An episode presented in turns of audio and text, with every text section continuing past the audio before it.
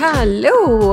Det här är Elina från Vintagepodden där vi snackar personlig stil, trender och såklart vintage. Denna sommar har vi bjudit in några utvalda speciella gäster till podden för att få in lite extra inspo. Och idag kommer du få höra från Madeleine Lindvall.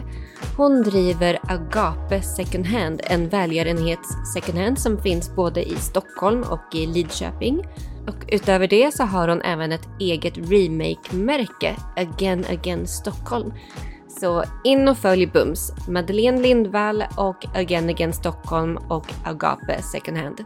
Vi ville höra hur Madeleine kom in på second hand och vad de, den största utmaningen är med att driva just en välgörenhet second hand. Eh, och såklart höra hennes bästa tips på hur man fyndar på second hand-affärer, som till exempel hennes egen Agape. Så varsågoda Madeleine.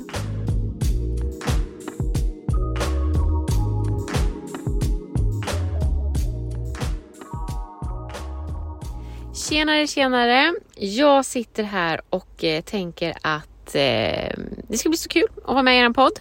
Jo, alltså second hand för mig har funnits med mig hela mitt liv.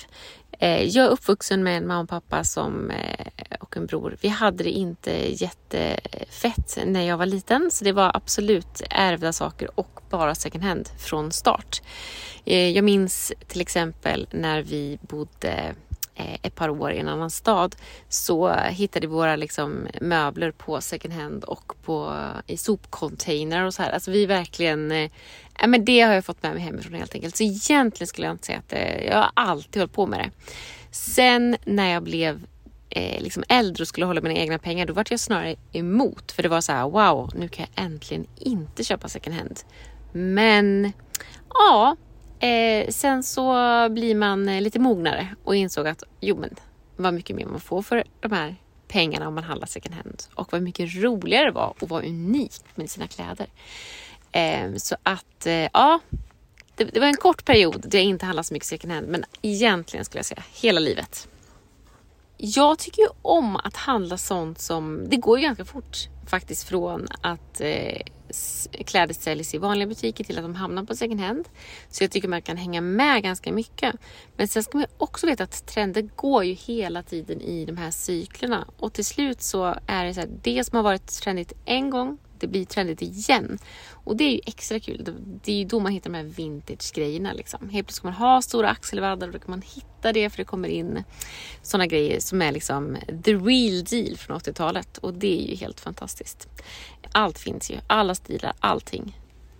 Ja, det finns ju några utmaningar men en sak som jag tänker ganska ofta och mycket på eftersom att jag driver eh, välgörenhets second hand att eh, det är ju att, hitta liksom, att man, man måste förstå att, att eh, varje plagg är unikt. Eller nu pratar jag just kläder men det är även andra saker också. Att allting som går igenom eh, våra butiker är ju unika. Det finns en av allting. Eh, det ska hanteras genom att man packar upp det, man måste bedöma skicket på det, det ska prismärkas, det ska ibland tvättas, ibland strykas. Alltså det är ganska mycket eh, ja, arbetskraft som, som går åt för att kunna handla eller liksom kunna sälja det en gång till. Eh, och, och, där är det svårt också att, att där har vi ju liksom en, eh, alltså en generell bild av att så här, så handla på second hand och loppis det ska verkligen vara billigt, billigt, billigt.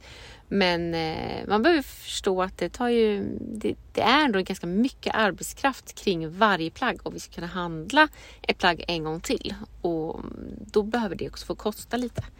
Eh, så det tycker jag är en utmaning att, att försöka få eh, våra kunder att förstå att det ligger ett ganska stort arbete kring varje vara eh, som vi hanterar, vilket kanske i stora kedjor är det ju inte så. Eh, då har man ju förstått att eh, man hellre kanske bränner upp eh, returer eller varor istället för att eh, en vara ska passera liksom, två hanteringar till av en personal. så att säga. Det blir för dyrt. Eh, men så vill vi ju inte ha det.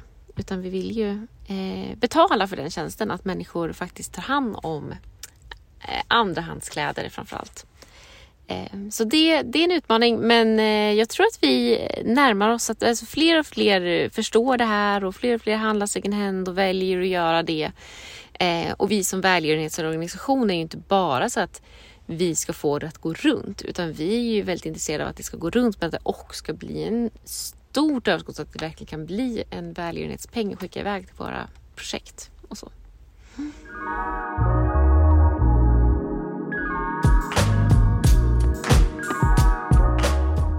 Mina bästa second hand tips är nummer ett.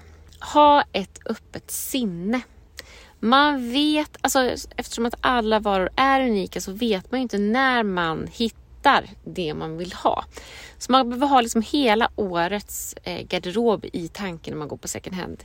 Det kan vara mitt i vintern, då är då man hittar den perfekta bikinin som man vill ha. Eller det kan vara liksom på eh, i mars, i, precis innan man tar bort alla skridskor. Det är då man hittar liksom, de jättefina skridskor i ens storlek. Eh, men då köper man dem precis när säsongen håller på att ta slut kanske eller sådär. Men kan man ha ett sånt öppet sinne och eh, inte vara såhär, jag ska minsann ha en kjol idag. Och så hittar man inte just en kjol, men då tittar man kanske inte efter det andra som finns som man skulle kunna köpa. Nummer två skulle jag säga så här. Stick, det är direkt, stick direkt till eh, provhytterna och det som folk har provat. För att det Eh, det är ofta godbitar där. Det är någon som har provat, någon har gjort sorteringen kan man säga, tittat noga vad som finns, eh, men så kanske det inte passar så hänger det där. Och sen ett tredje tips är att eh, inte titta så mycket på storlek eller också även eh, för, det, för det ändrar sig över tid. Alltså det, ja, storlekar från olika kanske eh, italienska hus eller franska eller svenska kan vara olika. Eh, om de är gjorda på 80-talet eller om de är gjorda på 20-talet eller om de är gjorda liksom igår på Hennes Mauritz så är de, eh, storlekarna är olika. Och man kan liksom inte liksom bara gå så här, jag är den här storleken. Man behöver vara lite flexibel där och tänka att men, den här ser ut att passa. Testar vi den, även om den inte stod exakt den storleken som man är van att köpa.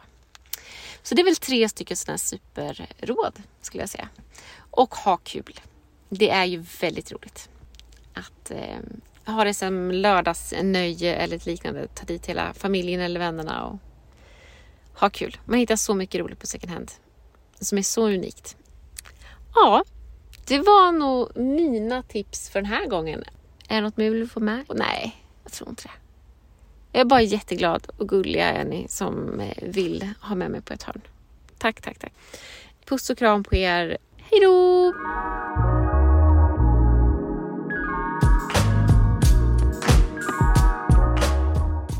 Ja, tack själv Madeleine. Så spännande att höra från en som verkligen driver en egen välgörenhet second hand. Jag och Olivia var ju på Agape i Stockholm i vintras och det var där jag fyndade den välberömda tavlan i mitt sovrum som jag tvivlade länge på, men som jag än idag ändå tycker är något av det vackraste jag har på väggarna här hemma. Så tack Madeleine och tack Agape! Eh, vi hörs igen på onsdag. Då är jag och Olivia tillbaka och då ska vi snacka hur man kan investera i vintage. Alltså se vintage som en investering och faktiskt kanske tjäna pengar på vintage. Så det här vill du inte missa. Vi hörs då och ha det så fint så länge i sommarvärmen. Ha det bra, kram hej!